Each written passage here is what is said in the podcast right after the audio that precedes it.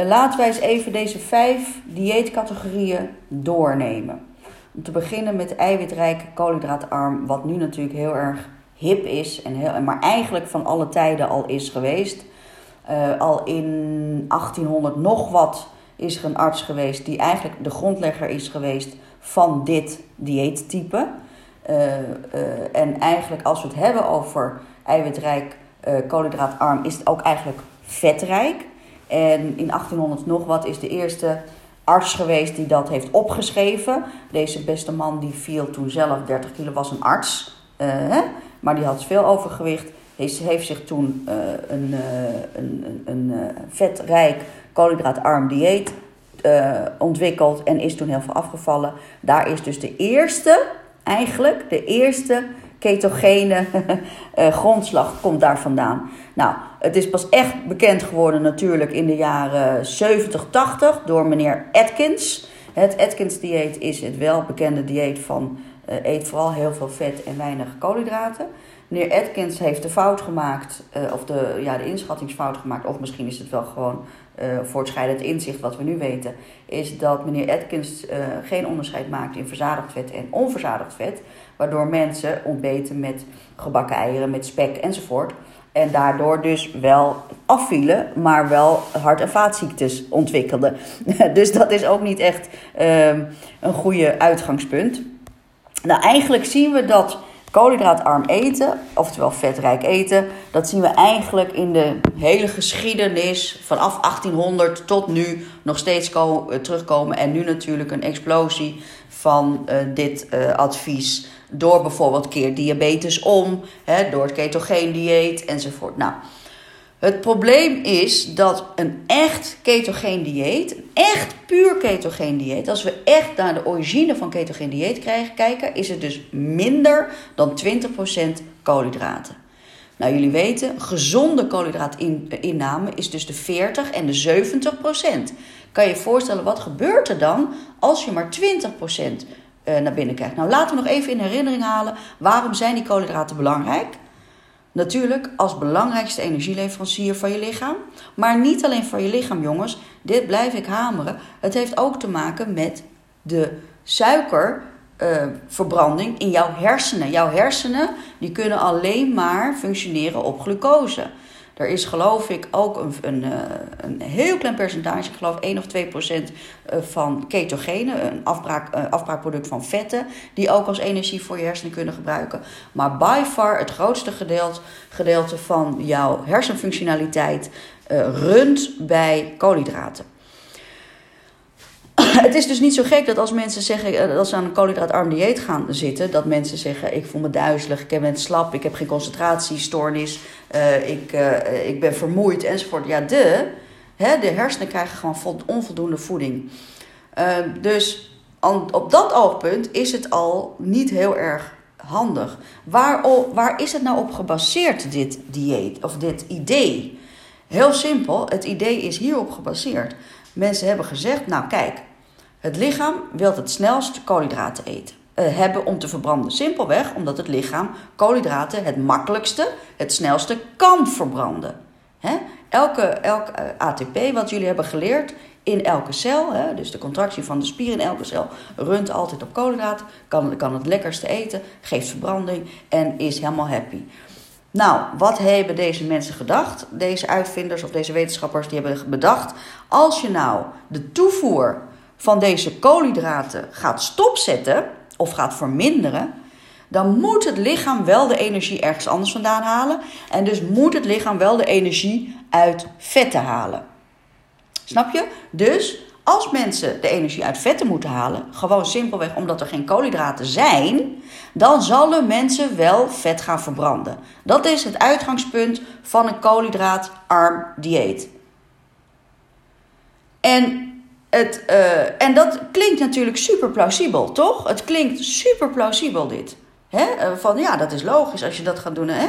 Maar het lichaam is gewoon niet zo gebouwd. En er zijn echt zo ontzettend veel onderzoeken gedaan. Het meest recente uitgebreide onderzoek komt van uh, Dr. Hall. Die heeft, die heeft heel erg het ketogeen dieet onderzocht met, met gewoon normaal gezond afvallen. En we zien inderdaad dat koolhydraatarm eten, sorry, ik zeg het verkeerd, kool, ja, wel koolhydraatarm eten, vetrijk eten, dat dat in de eerste fase voor groot gewichtsverlies leidt. Heel simpel, jongens. Heel simpel is dat gewoon omdat we van vetrijke producten ons niet volvreten. We kunnen ons wel volvreten van koolhydraatproducten. Denk aan chips, denk aan patat, denk aan donuts, denk aan koekjes. dat zijn al die koolhydraten, die natuurlijk de ongezonde koolhydraten zijn, die ons dik maken. Laten we die nou, gooien we die nou helemaal uit het dieet en vervangen door vetrijke producten. Ook al is 1 gram vet dus meer dan twee keer zoveel calorieën dan een koolhydraat. Maar toch, we gaan niet de hele dag gebakken eieren met spek zitten eten. Snap je wel? Dan komt je neus uit. Weet je wel? Dus per saldo ga je mensen gaan minder calorieën eten. En dus wat ik net al zei, bij elk dieet val je af omdat je per saldo minder calorieën gaat eten. Nu heeft deze uh, meneer Hol dat zo mooi uitgewerkt uit, uh, en, en onderzocht, jaren onderzoek gedaan. Wat blijkt nu? De eerste periode gaan mensen dus veel afvallen. Nou, iedereen kent dat. Iedereen die een klant heeft begeleid met eiwit, met koolhydraatarm eten. Ik doe dat ook wel eens als trucje gewoon bij klanten. He, mensen lopen een beetje vast, dan ga ik een beetje schuiven in die verhouding van die macronutriënten. En we kunnen daar een beetje als gewichtsconsulent leefstijlcoach, kan je daar een beetje mee gaan spelen. Maar wat gebeurt, waar, waar, je, moet het, je moet het reële verhaal vertellen. Want wat gebeurt er namelijk, jongens? 1 gram koolhydraat bindt 3 gram vet. Uh, sorry, ik zeg het verkeerd. Fout, fout, fout. 1 gram koolhydraat bindt 3 gram water. Als jij dus je koolhydraten gaat uit je dieet gaat gooien, dan pies je jezelf helemaal leeg. Nou, iedereen weet het wel. Als je je boterhammen laat staan en je muesli laat staan en je aardappelen laat staan, dan moet je heel veel plassen. Dat is deze reden. Nou, als jij een liter plas verliest op een dag, dan ben je een kilo lichter de volgende dag. Zo simpel is het. Het is gewoon wat gaat erin, wat gaat eruit in gewicht. Snap je wel? En iedereen hyper er piepen en zegt, en de hele uh, wereld staat op zijn kop. Dit is het motief. Nou, nou moeten we natuurlijk altijd kijken, of tenminste vind ik, hè, dat is waar, waar, waar, nou ja, waar Fitspel natuurlijk ook voor staat, is we gaan streven naar blijvend slank. Dat is ook waar jij als leefstijlcoach voor moet gaan staan. Het is niet een trucje leren, het is niet een quick fix. Nee, het is de rest van het leven iemand begeleiden of iemand begeleiden naar de rest van het leven een structurele verandering aan te brengen. Dus zeg dit verhaal. Als ik dus mensen stilstaan bij mij in mijn dieet, in het afslanktraject en ik ga een trucje doen, dan zeg ik: Oké, we gaan eventjes een koolhydraatarm dieet toevoegen. Maar besef, wat je afvalt, is voor het grootste deel vocht. Dat hebben we dus ook laten zien. De wetenschap heeft het ook laten zien. Dat mensen, wanneer we het langdurig doen, wanneer we het langdurig doen, dan heeft een normaal dieet meer effect dan een koolhydraatarm dieet. Maar de mensen zijn ongeduldig en willen snel resultaat. En lezen wat ze willen lezen. En horen wat ze willen horen. Maar dit is wat wetenschap heeft laten zien.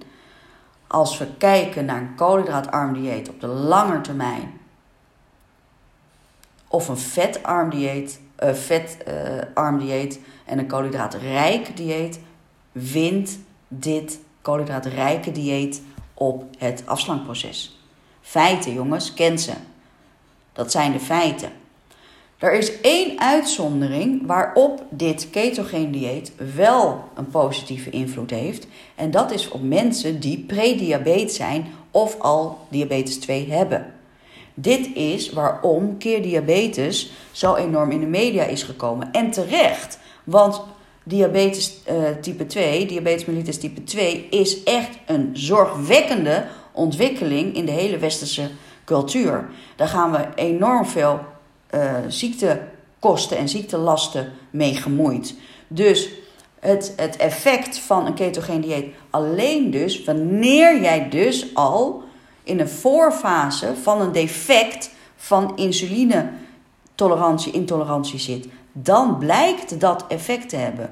Met andere woorden, als mensen dus al een probleem hebben met de reactievermogen van de alvleesklier om goed te reageren op de bloedsuikerspiegel, om insuline erin uh, in het bloed te pompen, dan heeft het effect heel simpelweg omdat je niet meer constant die suikertoevoer krijgt. Omdat je koolhydraten vermindert. En dus krijgt dat wat meer rust, als het ware, zo kan je het zien. En kan dat die gevoeligheid van die insuline herstellen. Dus in, alleen in de uitzondering van iemand die prediabetes is of die al diabetes type 2 heeft, kan een eiwitarm, of sorry, een koolhydraatarm dieet, een ketogeen dieet helpen. Maar dit jongens is niet hoe wij mensen begeleiden als leefstijlcoach gewichtsconsulent. Want deze mensen die zitten meestal al bij een internist of bij een diëtist die uh, onder begeleiding dan dit echt 100% ketogene dieet uh, gaan doen. Even kijken, is dit helder jongens? Ik zie dat Melanie die zegt, hoe zit het in het begin van het traject? Hoorden mensen, meerdere mensen om mij heen als ze koolhydraatarm eten, veel, veel energie hebben. Hoe zit dat dan? Als mensen uh, meer energie hebben door het idee dat ze koolhydraatarm eten. Koolhydraatarm eten en ketogeen eten is dus echt een verschil. Hè? Want als wij uh, nu uh, iemand gaan adviseren, we gaan koolhydraatarm eten, dan zit je gewoon aan de ondergrens van 40%. Nou, reken maar, dat is voor heel veel mensen al heel erg moeilijk. Hè? Als mensen dus zeggen, ik eet geen koolhydraten, dan moet je eventjes goed nadenken of dat echt zo is. Want meestal is dat gewoon niet zo. Meestal als je dus 40% de ondergrens van de, uh, van de richtlijn aangegeven door de gezondheidsraad, als je die al aanhoudt, eet je al koolhydraatarm. Hè? Dus dat moeten jullie goed beseffen. En dat mag je dus adviseren aan jouw cliënten. Het gevoel dat mensen hebben dat ze dan energieker zijn, dat is niet zo gek, uh, Melanie. Want wat gebeurt er als mensen dus letten op de koolhydraten, en zeker als ze dat goed doen, onder begeleiding van jou, Melanie, zo direct, dan betekent het dat ze in ieder geval alle foute koolhydraten eruit gaan gooien. Alle donutsen, alle patatjes, alle koekjes, alle bestonjes, alle witte pasta's, enzovoort, enzovoort. Nou, me dunkt dat als je die enkelvoudige suikers uit je lichaam gooit, dat je dan meer energie hebt. Want daarvoor in de plaats komen voedingsrijke producten, namelijk meer plant-based, fruit, groenten, volkoren producten, wat natuurlijk zorgt voor meer energie. Snap je wel, Melanie? Dus ja, het is zo dat mensen dat gevoel hebben. Ja, het is zo dat mensen dus um, met koolhydraatarm eten uh, afvallen. Maar het is op de korte termijn effect. Wil je het op de lange termijn doen, gaat het gewoon puur om een vetarmer dieet. En een koolhydraatrijk, niet per se koolhydraatrijk, maar een normaal koolhydraatrijk dieet. Dus categorie 1, koolhydraatarm, eiwitrijk. Categorie 2, vetarm, koolhydraatrijk. Dus precies andersom. Nou, ik heb het net al aangekaart. Dit is ook niet iets wat voor iedereen handig is. Hè? Als je uh, heel vetarm eet. Nou, vetarm betekent dus de ondergrens van vet. Wat was het ook weer, jongens? Wat was ook weer de energiepercentage vetten? Kom eens even door, laat me eens even weten. Energiepercentage vetten. Wees erbij, jongens. Let me know, 2040. Heel goed, dankjewel Marieke. Dus als we zeggen vetarm, zitten we dus op 20% vet. Ga daar alsjeblieft niet onder zitten. Echt vetloos eten is zo ontzettend slecht. Heel simpelweg, omdat elke cel, hè, elke celwand bestaat uit vet. Allerlei stofwisselingsprocessen, allerlei hormoonsystemen, structuren, triggers, reageert op vet. Dus onder die 20% zitten is gewoon een no-go. Is echt een no-go. Maar als we het dus hebben over vetarm, dan hebben we het dus over 20%. Nou, wat is dan vetarm koolhydraatrijk? We weten eiwitten, laten we daar ook op de ondergrens zitten, hè, 10%. Dus is het 30%. Dus koolhydraatrijk is dan 70%. Zien jullie hier, jongens, wat er gebeurt? Want we weten, de energiepercentage koolhydraat is 40-70. Nou, als we dus vetarm eten, is het automatisch koolhydraatrijk. Snap je wel? Dit werkt fantastisch bij jonge mensen. Dit type dieetadvies, hè, want heel veel vragen komen toch wel vanuit gewichtsconsulenten. Hè? Hoe moet ik dan die verdeling gaan maken voor, uh, uh, voor, uh, voor mijn cliënten? Dit type werkt heel goed voor jonge mensen. Waarom? Omdat jonge mensen doorgaans meer energie verbruiken, fysieke energie verbruiken dan wat oudere mensen. Dus die koolhydraten ook echt meteen gaan verbranden. Nou, als je dan in die vetarme uh, zone zit, hè, waarbij we weten die vetten leveren nog altijd per gram het meeste energie, dan is dit. En dan zorg je natuurlijk overal, hè, zoals alle diëten natuurlijk, zorg je overal dat er minder uh, energie, calorieën wordt uh, ingenomen. Dan werkt het heel goed. Eiwitrijk, koolhydraatarm in een gezonde zin. Dus eiwitrijk betekent dat dus, hè, even terug naar categorie 1. Eiwitrijk betekent dat dus in een gezonde zin. Hè, dus heb ik het even niet dus over een ketogeen dieet. Dan betekent dat de bovengrens van eiwitten. De bovengrens van eiwitten weten we is 25%. Dat is dus uh, uh, uh, eiwitrijk. Koolhydraatarm is dus de ondergrens, 40%. Komen samen op 65%. Ja, eens. En zou dus 35% vet mogen zijn. Nou, we weten, we hebben net gezegd, vetten mogen tussen de 20 en de 40% zitten. Dus zit je ook goed. Type 1 is veel erg, heel erg handig voor juist wat oudere mensen. Of mensen die herstellend zijn van een ziekte. Of mensen die minder bewegen. Uh, of uh, dames in de overgang. Type 1, super handig om het op die manier te doen. Type 2 dus voor uh, jongere mensen. Hè, omdat die meer lichamelijk actief zijn in het algemeen. Type 3 categorie afvaldiëten is de lage glycemische index. Nou, dit betekent eigenlijk dat we gaan kijken naar uh, welke koolhydraten iemand eten. Nou, eigenlijk doen we dat met gezonde voeding, doen we dat natuurlijk al. Maar in dit geval, in een glycemische index dieetcategorie, uh, gaan we echt naar producten kijken. Hè? Dit mag wel, dat mag niet. Voorbeeld hiervan is bijvoorbeeld uh, Montillac dieet. Weet je wel? Dan gaan we dus kijken van, hè, Montillac lijkt ook erg op het uh, lijkt ook erg op, uh, op categorie 1, hè, koolhydraatarm vetrijk. Hè. Uh, maar de, de, de laag index kijkt dus echt naar ehm, welke koolhydraten je wel of niet mag eten. En dan houden ze een lijst bij van de glycemische index. Misschien heb je er wel eens van gehoord. En de glycemische index, je weet, glycemie is bloedsuiker. Dus de glycemische index wil zeggen hoe reageert jouw bloed op het eten van een bepaald product. En als je volgens deze categorie diëten, is het dus zo, als je dus maar producten kiest die een laag uh, bloedsuiker creëren of behouden, dan zou je niet aankomen.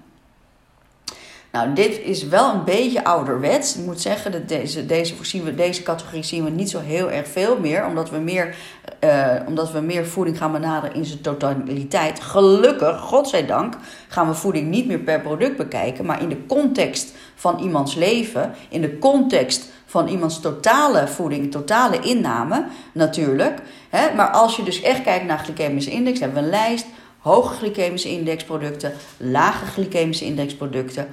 Alles wat boven de 50 is, is slecht voor je. En alles wat onder de 50 is, is gezond voor je. Nou, op deze manier voeding benaderen is wat mij betreft echt een no-go. Want bijvoorbeeld, wortelen zijn goed. Wortelen zijn goed. Staat in de groene kant van de glycemische index. Maar als we diezelfde wortel gaan koken, komt die in de slechte kant van de glycemische index. Omdat door het productieproces, je weet het allemaal, als je wortelen kookt, wordt het veel zoeter, de suiker gaat omhoog. Is dan een gekookte wortel opeens een ander product dan een rauwe wortel? Nee, maar de reactie op jouw bloedsuikerspiegel is wel veranderd. Moeten we het daarom dan maar weggooien? Dat lijkt me toch niet, hè? Dus hier gaat het om, jongens. Hier gaat het om. En daarom blijf het zeggen, laag, uh, categorie 3 in deze vijf categorieën diëten is, is niet naar mijn idee meer van deze tijd. Maar je zal het wellicht nog tegenkomen. Dan categorie 4, dat zijn echt dit mag wel, dat mag niet. Uh, diëten. Dit mag wel, dat mag niet. Ik noemde net al Montillac, maar we kennen natuurlijk ook een, uh, hoe heet het, Dr. Frank uh, dieet. We kennen het South Beach dieet, nou ja, enzovoort, enzovoort. Alle diëten die zeggen je moet dit product eten, je moet deze shakes nemen. Uh, je mag niet dit eten in de ochtend, maar dat wel in de avond. producten scheiden, weet je wel. ooit dat ik begon met, met mijn werk was het heel erg fit for life dieet. Hè? Dus tot 12 uur alleen maar fruit eten. Nou, nu weten we dat dat helemaal bullshit is. Dat dat niet echt juist, juist niet erg handig is. Um, dus, dus dan willen we dat uh, um, echt die richtlijnen. En het gekke is, jongens, dat dit is wat de meeste mensen nog heel graag willen. Mensen willen heel graag weten wat mag ik wel en wat mag ik niet eten. Maar er is niet een wat mag ik wel en wat mag ik niet eten. Dat is super lastig voor jou als gewichtsconsulent leefstijlcoach om dat zo direct gaan uit te gaan leggen. Maar het scheiden van producten. Hè? Koolhydraten mogen niet samen met vetten, want dat zou gaan gisten in je maag. Jongens, soudemiet erop. Voeding blijft gewoon soms 36 uur in je maag zitten. Er is geen kamertje in jouw maag die zegt: hier gaan de koolhydraten naartoe en daar gaan de eiwitten naartoe. Het, het komt allemaal samen. Dus het, het, is, het is zo belangrijk om te weten waar je het over hebt. En wel dus, als, als mensen dan zo graag willen weten van wat mogen ze wel, wat mogen ze niet eten, dan heb jij als visconsulent natuurlijk de tool dat jij een voorbeeldmenu gaat maken. Waarbij je dus de mensen aan de hand neemt en zegt, nou, dit is de range waarin je dit en dat mag eten. Even kijken, ik krijg hier een opmerking. Ik heb een gezonde vriendin, gezonde tussen aanhalingstekens, vriendin die gelooft in een, in een vetrijk koolhydraatarm dieet in verband met glycogeenverbranding, superverbranding noemt ze het. Dat zou echt niet nodig hoeven zijn voor iemand die gewoon gezond is, toch? Nee, dat zou helemaal niet nodig hoeven zijn, inderdaad, uh, Emma die gezond is. Uh, maar dit is eigenlijk gewoon precies wat ik zeg. En laat haar maar eens een dieet, laat haar maar eens echt alles opschrijven. En je zal zien dat komt ze gewoon uit op een koolhydraatarm dieet. En dat is natuurlijk prima dus dus uh, mensen zeggen heel erg snel van ja, ik doe ketogeen dieet. Maar dat is meestal niet zo. Want de meeste mensen zitten echt wel ongeveer op die ondergrens van 40%. De meeste mensen redden het echt niet in het dagelijks leven. Als je dus de voeding totaal gaat kijken. Niet op één dag, op een goede dag. Nee, je gaat de totale voedings analyseren. En daar ga je dan van de hele week ga je een gemiddelde van nemen. En ik, ik zou je uh, willen uh, vragen, Emma, laat jouw vriendin eens gewoon eventjes een voedingsapp uh, gebruiken, hè, waar we het in de eerste les over of de tweede les over gehad hebben. Laat haar dat eens een week invullen. En je zal verbaasd staan, en zij waarschijnlijk ook, hoeveel calorieën ze, aan koolhydraten ze toch naar binnen krijgt. Dus nee, dat is niet. ja, ga, ga, laat het ons weten. Het is echt superleuk om dat ook voor haarzelf. Hè?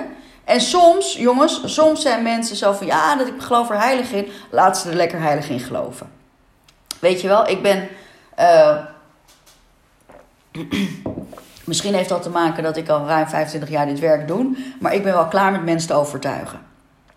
En ik wil jullie adviseren als toekomstige gewichtsconsulenten, leefstijlcoaches, om dat ook zo snel mogelijk jezelf aan te leren. Je bent hier niet om iemand te overtuigen. Dus Emma, als jouw cliënt of vriendin heel erg overtuigd is dat zij de weg heeft gevonden, prima. Als het voor haar werkt, prima. Weet je wel?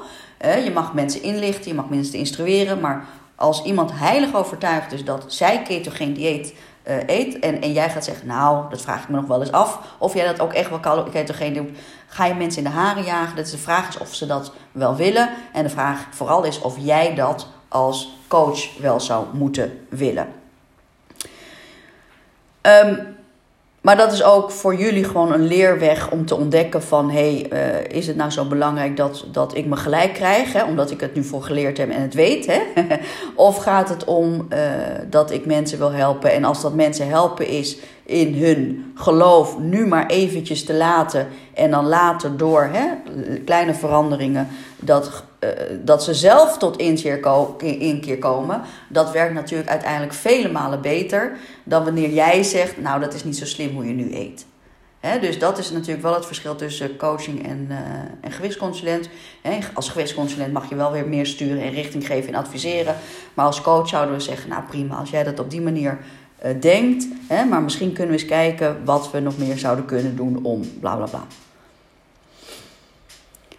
Uh, dus dat was categorie 4. Hè? En de slotte is categorie 5. En dat is natuurlijk wat wij doen. Gewoon gezond eten. Gewoon gezond eten. Volgens de richtlijn gezonde voeding. In de context van de persoon. In de context van de persoon. Snap je wel? En daar gaat het uiteindelijk altijd om. Daar gaat het altijd uiteindelijk om. Dus, even samenvattend, ik zie jou vraag Melanie, ik kom er zo op terug. Even samenvattend, vijf categorieën dieetvormen. Eén is koolhydraatarm, twee is vetarm, drie is letten op de bepaalde koolhydraten, glycemische index. Vier is bepaalde producten moeten en bepaalde uh, producten eh, vermijden. En vijf is tenslotte gewoon normaal gezond eten binnen de context van iemands life story.